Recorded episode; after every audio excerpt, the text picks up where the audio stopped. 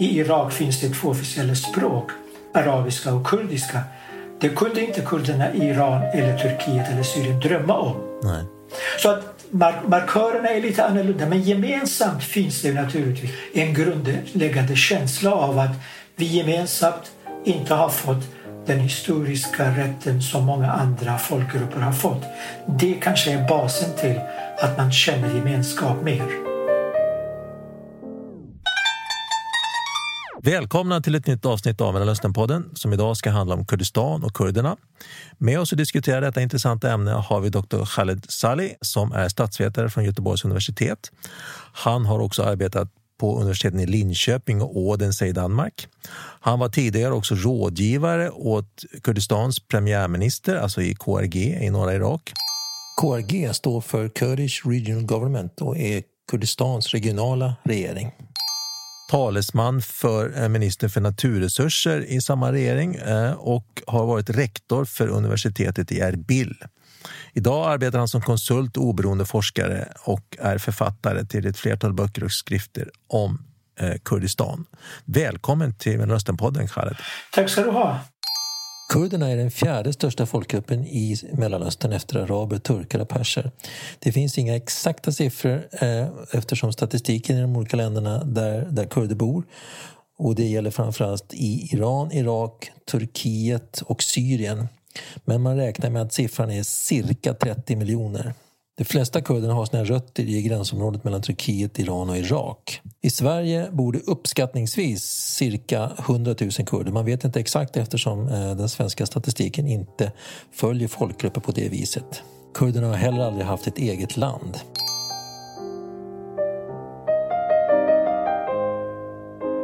Om man tittar på kurdisk historia så tycks det framgå en bild där den här pankurdiska gemenskapen egentligen inte är så stark. Alltså en gemenskap över nationsgränserna och att det finns interna splittringar. Och då undrar man, om man igen vänder blicken bakåt, om kurdernas inbördes strider inte hade varit så starka, hade man då haft ett eget land idag? Har det varit en av orsakerna till att det inte finns ett eget självständigt Kurdistan? Det kan man se lite grann som teoretiska resonemang. Det kan man säkert. Men om du tittar på regionen som sådan, Mellanöstern, så fanns det ju inte under kanske över 1500, kanske 2000 år någon föreställning om egen stat för, eg, för eget folk. Utan det var imperier i olika riktningar. Det var Eh, religion som dominerade. Det var också förstendömen som, som bekämpade varandra och på, på den vägen så har inte en kurdisk pannationalistisk eller pankurdisk nationalistisk rörelse vunnit kampen än så länge utan det har funnits ideal och drömmar och föreställningar men något gemensamt samarbete över alla gränser har inte funnits. Dels för att de här staterna som bildades framförallt efter 20-talet och framöver bevakade gränserna väldigt, väldigt starkt och hade olika politiska linjer mot kurderna. Och det gjorde att erfarenhetsmässigt på plats till exempel, jag växte upp i Irak, Kirgiziska Kurdistan. Jag har aldrig haft problem med att använda kurdiska i skola och som språk. Men för en kurd i Turkiet, bara att kunna få prata sitt språk var en annan politisk kamp. Mm, mm. Så att det fanns också, eh, ska vi säga, politiska hanteringar från huvudstäderna som gjorde att erfarenheten och också sökningen efter lösningarna blev väldigt, väldigt präglade av de ländernas politiska vardagssituationer. Till mm. exempel i Irak under 80-talet så var ju frågan om kommer kurderna att överleva eller inte när Saddam Hussein började använda kemiska stridsmedel. Och då slöt sig rätt många kurdiska organisationer bakom stödet för kurderna i Irak under hela 90-talet. Och det gjorde att det upplevdes periodvis i alla fall som en förhoppning om en framväxande pankurdisk rörelse. Mm. Men sen det avtar eftersom de, de politiska allianserna skiftar, den politiska verkligheten också har upp och nedgångar och det har inte funnits rak linje mot målet utan kurderna i Irak, så som jag kan se det, delvis är väldigt nöjda med vad de har åstadkommit. De har eget parlament, de har egna institutioner, de har egna polisstyrkor, de beskattar själva, de har kontroll över ett stort del av det som de kallar för Kurdistan i Irak territorium. På så sätt så finns det nya erfarenheter som kan sedan, ska vi säga, få spridningseffekt till andra kurdiska grupper. Mm. Vi har sett delar av den erfarenheten, till exempel när kurdisk peshmerga från Irak samarbetade med kurdiska peshmerga i Syrien och kämpade emot eh, Isis så var det en del erfarenheter som, som kom i användning helt enkelt eh, på ett sätt som man inte kunde föreställa sig före 2011. Peshmerga är samlingsbeteckning för beväpnade kurdiska styrkor. Ordet betyder ungefär det som möter döden och är en sammansättning av ett ord pers som betyder framåt eller inför och merg som betyder döden. Om vi håller oss kvar lite i historien här. Eh, jag tänker på, på eh, du nämnde lite kort där efter första världskriget och den här, den här fredskonferensen i Sèvres 1920. Den utlovade ju faktiskt kurderna till en egen stat. Men, men det blev ingenting av det. Eh, skulle du säga att, att bara för att hålla fast vid den frågan lite grann, att, att eh, de löftena då från framförallt Storbritannien och Frankrike som det inte blev någonting av, att det vad ska jag säga, är väldigt bidragande orsak till att, till att det ändå idag inte finns någon kurdisk stat. Att det var löften som inte höll, så att säga. Det var löften som inte höll. Det var också en period där framtidsutvecklingen eller framtidsutsikterna var väldigt osäkra. Stormaktslöften hade ju sina geologiska, ekonomiska och militära intressen och när kurderna kanske vid en tidpunkt bedömdes inte kunna leverera som stormakterna hade önskat sig och när kurderna i olika konferenssammanhang inte var tillräckligt starka och tillräckligt eniga och tillräckligt klara över vad de ville så förlorade de ju chansen naturligtvis att, att bilda en egen stat. Och kurderna var inte de enda Nej. Eh, befolkningsgrupper som förlorade en sån möjlighet. Utan armenierna hade samma problem. Mm. Du har andra arabiska delningar inom eh, det som kallas för arabvärlden som också splittrades till olika länder. Så att historiska skeden kanske kan man dividera om men tillfälligt uppkom inte på så sätt som du föreställer dig. Kuwait, Jordanien skapades från ingenting. Mm. Gulfstater fick eh, stöd från stormakter och blev konsoliderade stater, åtminstone till en viss del har överlevt fram till nu. Och den möjligheten förlorade kurderna.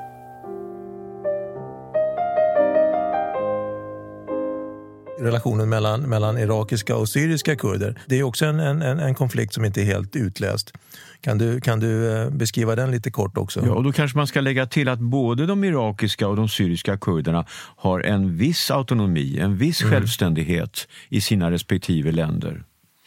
Eh, för att vi ska kunna kanske få lite perspektiv på det så måste vi förbereda oss lite grann för den överraskning som utvecklade sig i Syrien för kurderna. Fram till 2010-11 så fanns det inte stora förhoppningar om att kurderna i Syrien skulle få någon form av kontroll över sitt eget territorium, kunna ha inflytande över politiska skeenden. Omständigheterna ändrades radikalt och snabbt och kurderna fick kontroll över delar av sitt eget territorium tillsammans med andra krafter inom vad som blev sedan känt som syrisk opposition. Mm. Men då fanns det redan från början lite grann av spänning mellan vilken väg kurderna i Syrien kommer att ta. Eh, på grund av PKKs närvaro i de områdena, på grund av ideologiska influenser så splittrades också bilden där och, och även inställningen till eh, vad, hur man ska förhålla sig till kurderna i Irak. PKK utlöstes Kurdistans arbetarparti och bildades 1978. Mellan 1984 och 2013 utkämpade PKK regelrätta strider, inklusive terrorattacker, med den turkiska staten. Deras ledare Abdullah Öcalan greps 1998 och har sedan dess suttit fängslad. Från 2013 så har PKK på olika sätt deltagit i olika politiska processer eh, för att lösa konflikter i Turkiet och Kurdistan. PKK är fortfarande terrorklassat av bland annat USA, Nato och Europeiska unionen men en del andra länder som Ryssland, Egypten, och Indien och Kina har inte klassat PKK som en terrororganisation. Men man ska också komma ihåg att under tiden eh, kurderna i Syrien var under attack från Isis så fanns det kurdisk peshmerga från Iraks sida som kämpade sida vid sida med kurderna i Syrien mot Isis. Mm. Så att det finns både samarbete och ibland spänningar beroende på den förändrade dagliga och ibland taktiska förändringarna som vi upplever i regionen och beroende också på intensiteten i konflikterna naturligtvis. Om man istället vänder på perspektivet och tittar framåt kommer kurderna att till slut få ett eget land? Och om inte, om det är en orealistisk förväntan, kan det då vara bättre att helt fokusera på kampen för en utvidgad autonomi inom Irak och inom Syrien? Rent akademiskt, rent eh, vetenskaplig diskussion så kan vi ju diskutera den frågan vi oss tre emellan. Men om man tittar på hur kurdiska ledare och kurdiska organisationer hanterar den här frågan så kan man ju säga att kurderna i Irak är väldigt, väldigt måna om att kunna få överleva den här erfarenheten, kunna befästa den erfarenheten och kunna vidareutveckla den. För man har lärt sig att om man har ett litet territorium under kontroll så gör det väldigt mycket att den är på ett eller annat sätt erkänd av en stat men också de facto av grannländerna. När du använder ordet vidareutveckla, vad, vad betyder det? Betyder det att det finns en utveckling mot en helt självständig stat? Det kan det vara, men det är ingen politisk organisation i irakiska Kurdistan idag som säger det förutom KDP som vid ett tillfälle organiserade befolkningen i 2017, eller egentligen två tillfällen, 2004, 2004 och 2017. KDP står för Kurdistans demokratiska parti, eller Kurdish Democratic Party och är det största kurdiska partiet i irakiska Kurdistan. 2004 var ett mindre eh, experiment, eh, men 2017 organiserade man en folkomröstning för att kunna ta ställning till om Kurdistanregionen inom ramen för Irak ska stanna kvar inom federationen Irak eller om man ska välja att separera sig från Irak inom ramen för en förhandlingsprocess. Befolkningen stödde linjen, folkomröstningen gick bra, konsekvenserna av det var väldigt, väldigt negativt. Så att en, en markering i att det finns viljan att gå självständigt, ja den finns det och den är befästad i en folkomröstning där 93 procent av befolkningen sa ja till den frågan. Mm. Det, det, är intressant också det kurdiska stödet som har givits till, till när du nämnde det här med, med Islamiska staten och kriget eh, mot, mot dem då, när USA ledde operationen.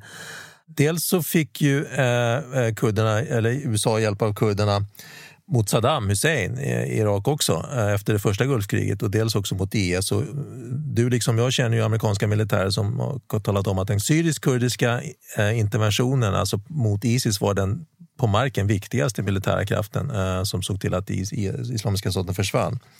Men det har man ju då, kan man säga, apropå det du nämner, eh, konsekvenserna av folkomröstningen, kanske inte fått ut så mycket av egentligen. Hur ser du på det här att, att kurderna har offrat ganska mycket, både irakiska och syriska kurder, eh, men kanske inte fått det här stödet som man förväntar sig eller skulle kunna förvänta sig av omvärlden? Kurderna i Irak har ju en väldigt bitter erfarenhet 1974 mm, när man med hjälp av Iran och eh, amerikansk eh, underrättelsetjänst gick emot Saddam Husseins ambition med att alliera sig starkare med Sovjet. De genomförde en revolt i ett helt år och så blev de övergivna väldigt, väldigt snabbt. Så den erfarenheten har man tagit med sig och använder det lite grann som en påminnelse om att även om det nu skulle kunna finnas formell förhandling och någorlunda löften om att kurderna kan få fortsatt stöd. Det kan avbrytas när som helst. Mm. Och den bittra erfarenheten blev ännu större 2017 efter folkomröstningen när USA, Storbritannien och delvis europeiska länder genom ramen för EU som hade stött kurderna i Irak för att bekämpa Isis omedelbart backade från allt stöd och till och med varnade att om de fortsätter så kan kurderna förlora ännu mer av det lilla stöd som var kvar. Så att den erfarenheten tar man naturligtvis med sig vidare och om man tittar på vad som har hänt de senaste fyra, fem åren inom ramen för förhandlingar med Irak så har kurderna omorganiserat sina tankar och sina ambitioner och förhandlingar och försöker nu genom ramen för Iraks regeringsbildningar och parlamentsval och sånt spela en aktivare roll än vad man hade gjort under mellantiden där man blev mer och mer passiv och tillät irakiska fraktioner att ta kontrollen över hela den irakiska politiska processen.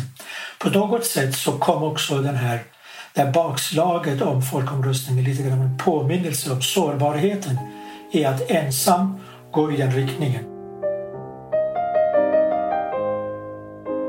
Trots allt är det ju så att, att Kurdistan, och det kan jag själv delvis intyga, är ju den klart bäst fungerande delen av federationen i Irak idag. För, för det måste ju bero på någonting att det ändå är den mest fun bäst fungerande delen av Irak. Det är det. Ja. det är det. Vad som gjorde möjligt att kurderna egentligen har haft bättre framgång i Irak är ju att från 2000, från 1992 men framförallt 1994 och fram till 2003 var Kurdistanregionen i Irak en isolerad enhet. Mm. Hade inte särskilt mycket med Irak att göra. Inom ramen för olja för matprogrammet FN finansierade direkt och indirekt mycket av det som hjälpte kurderna att överleva. Mm. Under den tiden så dessvärre så hade också kurderna egna interna stridigheter under fyra till sex år och hade sammandrabbningar och delade territoriet mellan två politiska partier. Men så småningom så tog man förnuftet i fånga och började tävla om att bygga sina regioner istället för att bekämpa varandra. Och det ledde till en ny erfarenhet där man kunde se att politiska organisationer som har varit beväpnade, som har varit i landsbygden, i bergen kom ner men fick lära sig erfarenhetsmässigt hur man tar hand om vardagen politiskt, administrativt. Det handlar om mm.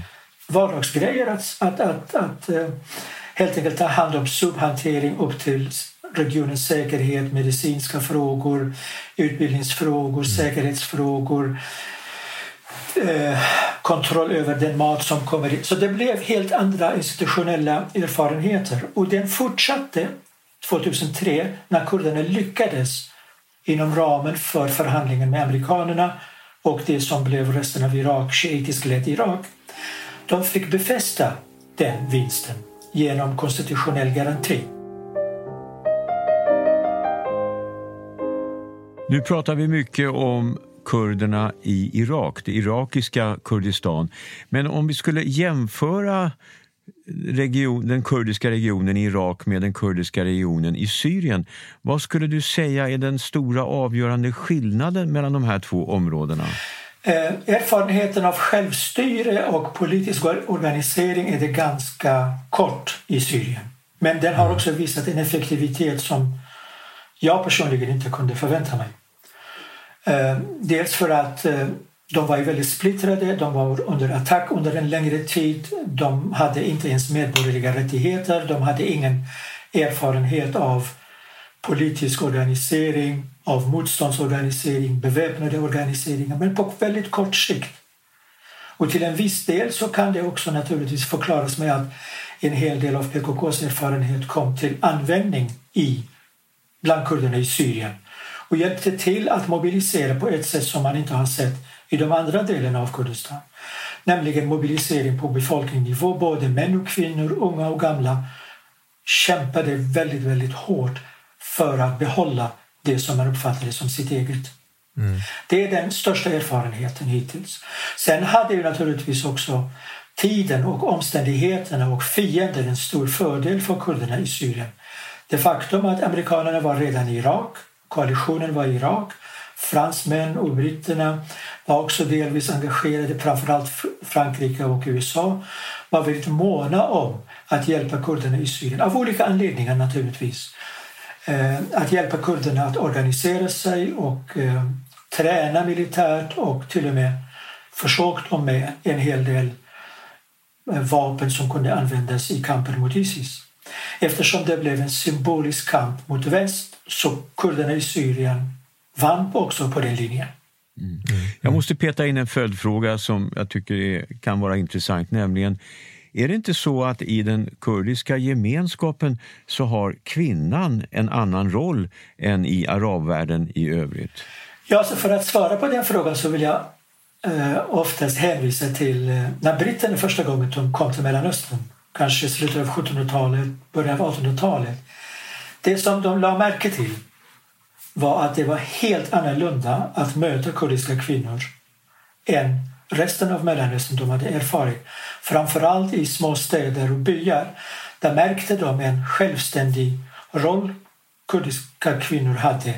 Allt ifrån klädsel till hushållsekonomi och till och med i vissa byar där huvudpersonen, alfahonan, var beskyddaren helt enkelt för byn. Jag själv har ju sett när jag har varit i vissa byar där vissa kvinnor hade vapen i sitt hem ifall ifall tjuvar och fiender kommer och de var verkligen organisatörerna på plats. Så den, den erfarenheten finns med bland kurderna. Men hur förklarar man eh, den traditionen? Jag tror att delvis så handlar det om eh, eh nomadlivet under en längre period mellan i bergområden och i platåområdena har krävt att för att du ska kunna producera, för att du ska kunna hålla samman, för att du ska kunna flytta till de här höga bergområdena så behöver du självständiga individer och bidrag från alla samhällets eller det lilla samhällets medlemmar. På så sätt så har kurdiska kvinnor varit centrala inte bara i reproduktion så som det har blivit i större delen av den islamiska världen utan för att bidra till överlevnaden på ett annat sätt. Mm.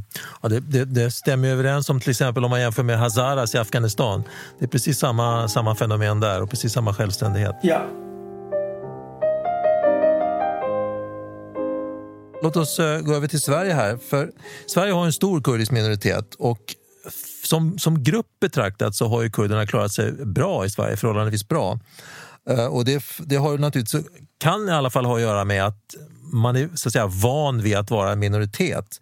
Eh, och Det skulle jag vilja höra dig kommentera om det, om det kan stämma. Men det måste ju rimligen också finnas andra möjliga förklaringar. Vi har ju tangerat ett par av dem här, men om du skulle kunna utveckla vad du tror är ett skäl till att den, den kurdiska minoriteten i Sverige har integrerats bra och har klarat sig bra som grupp betraktat? Jag tror att det, det stämmer delvis med det som, som du påpekar med att man har varit minoritet och har kunnat utifrån minoritetsposition skaffa sig lite eh, verklighetsförankrad vardagssituation så att man vet att man inte kan helt enkelt uppföra sig dåligt för då, då ligger man illa till. Men sen tror jag också att väldigt många eh, från 70, framförallt 80 och 90-talet eh, förklarat i olika intervjuer är att när kurderna kom till Sverige och Sverige hade eh, en annan inställning än kanske många europeiska länder där det fanns stöd för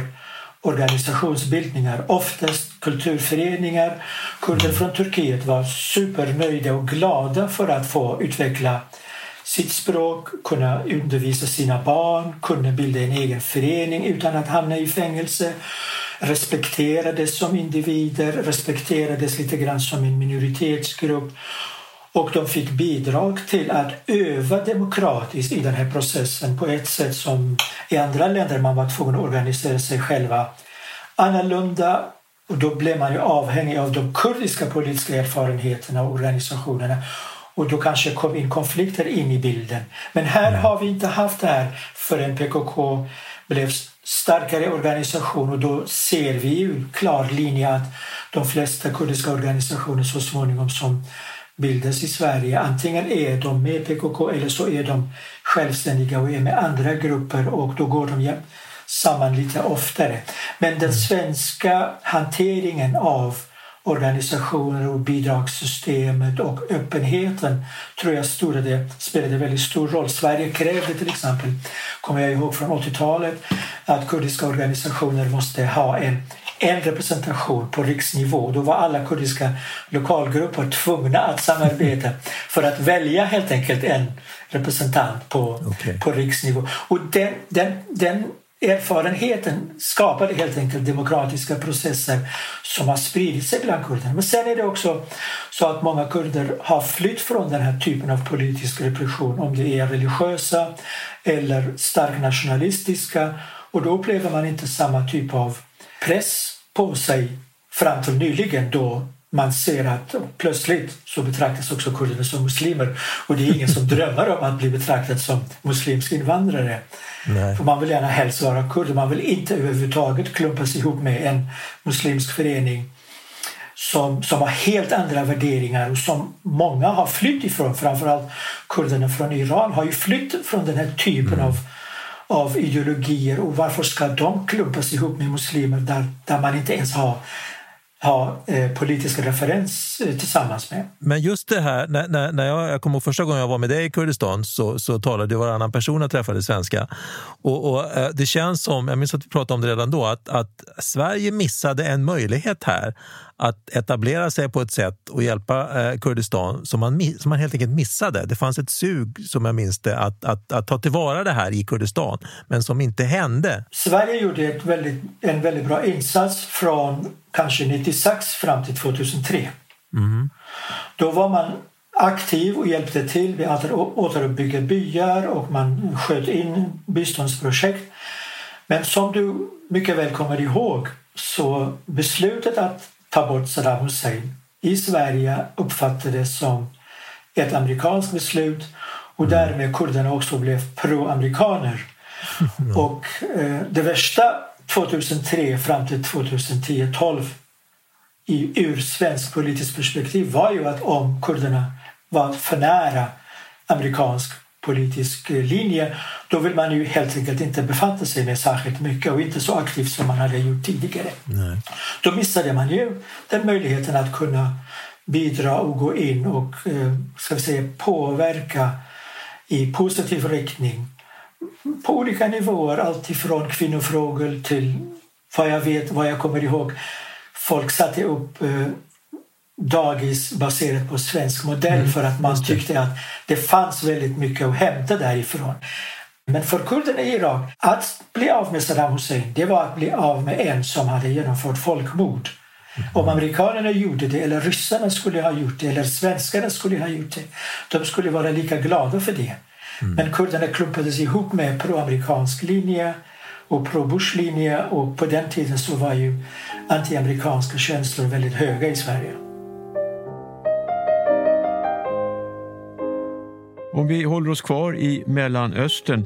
Det tycks finnas en gammal och pågående närhet mellan Israel och kurderna i regionen. Hur förklarar man den? Kan man se den som en win-win eller är det så att kurderna därmed drar på sig fler angrepp? Som efter mötet i höst i irakiska Kurdistan där man under ett stormöte uttryckte sympati för Israel vilket efteråt ledde till att några av deltagarna arresterades av irakisk polis. Förklaringen till sympati mellan kurder och judar, eller Israel, är, går tillbaka väldigt långt. I Kurdistan fanns det en betydande grupp judisk befolkning. De eh, oftast har haft mycket bra samarbete med lokalbefolkningen. De har pratat kurdiska. I min hemstad Sulemania finns det en kvarter som heter Judiska kvarter. Eh, många har judiska eh, förfäder eh, och eh, judarna har ju kurdernas sympati i den meningen också att de har ju sett som förtryckta under islamisk eh, hegemoni och kurderna delvis också har känt att de har varit också en förlorare inom ramen för olika islamiska vågor. Så att när, när israelerna eller när judarna fick en egen stad så fanns det ju intressant nog från kurderna i Irak mycket stöd. Bland annat så vet jag personligen och eh, jag har familjemedlemmar som har varit inblandade i att man hjälpte helt enkelt judar från Bagdad tas med, smugglas över till kurdiska städer och därefter till Iran på gränsen med risk för de personerna som var inblandade för sitt eget liv.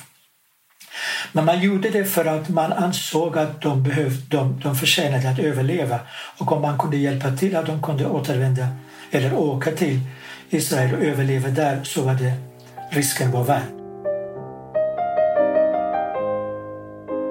Jag tänkte det skulle vara intressant att vi skulle, om vi skulle kunna avsluta och prata lite grann om den kurdiska identiteten som jag kan tycka är, är intressant men också svårfångad. För att det finns ju inte en enhetlig religion i den här gruppen och det finns ingen helig skrift, typ Bibeln eller Koranen. Och då undrar jag, skulle du säga att det är i första hand språket och historien som förenar den kurdiska nationen och gör den till en etnisk gemenskap? Om du pratar bara kort om din egen kurdiska identitet, vad skulle du säga är de bärande byggstenarna? Vad är det som är fundamentet, tycker du?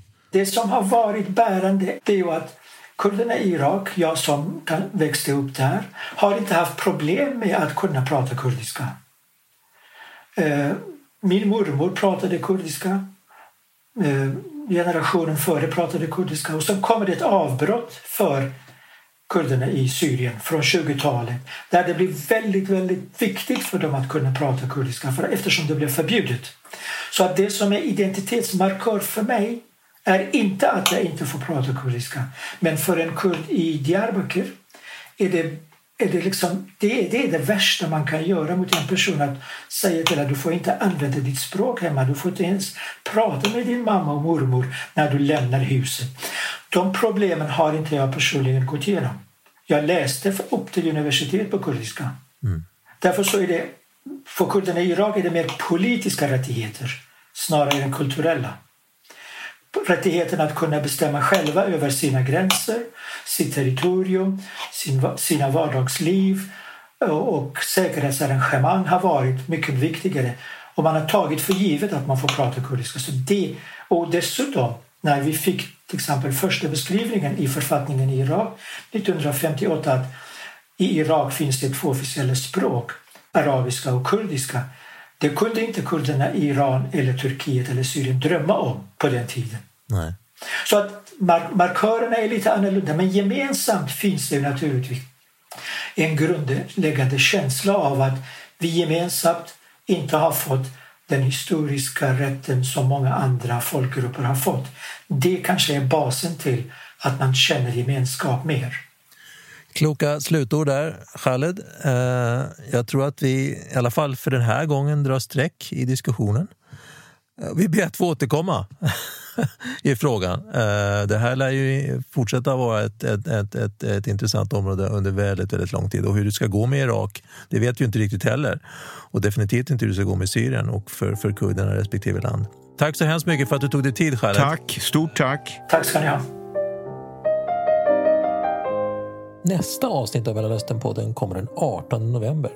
Och då ska Ricky och jag diskutera och försöka sammanfatta det här första året med Mellanösternpodden. Vad vi har lärt oss, vilka insikter vi har fått och vad vi förhoppningsvis har lyckats förmedla till er lyssnare. Välkomna då!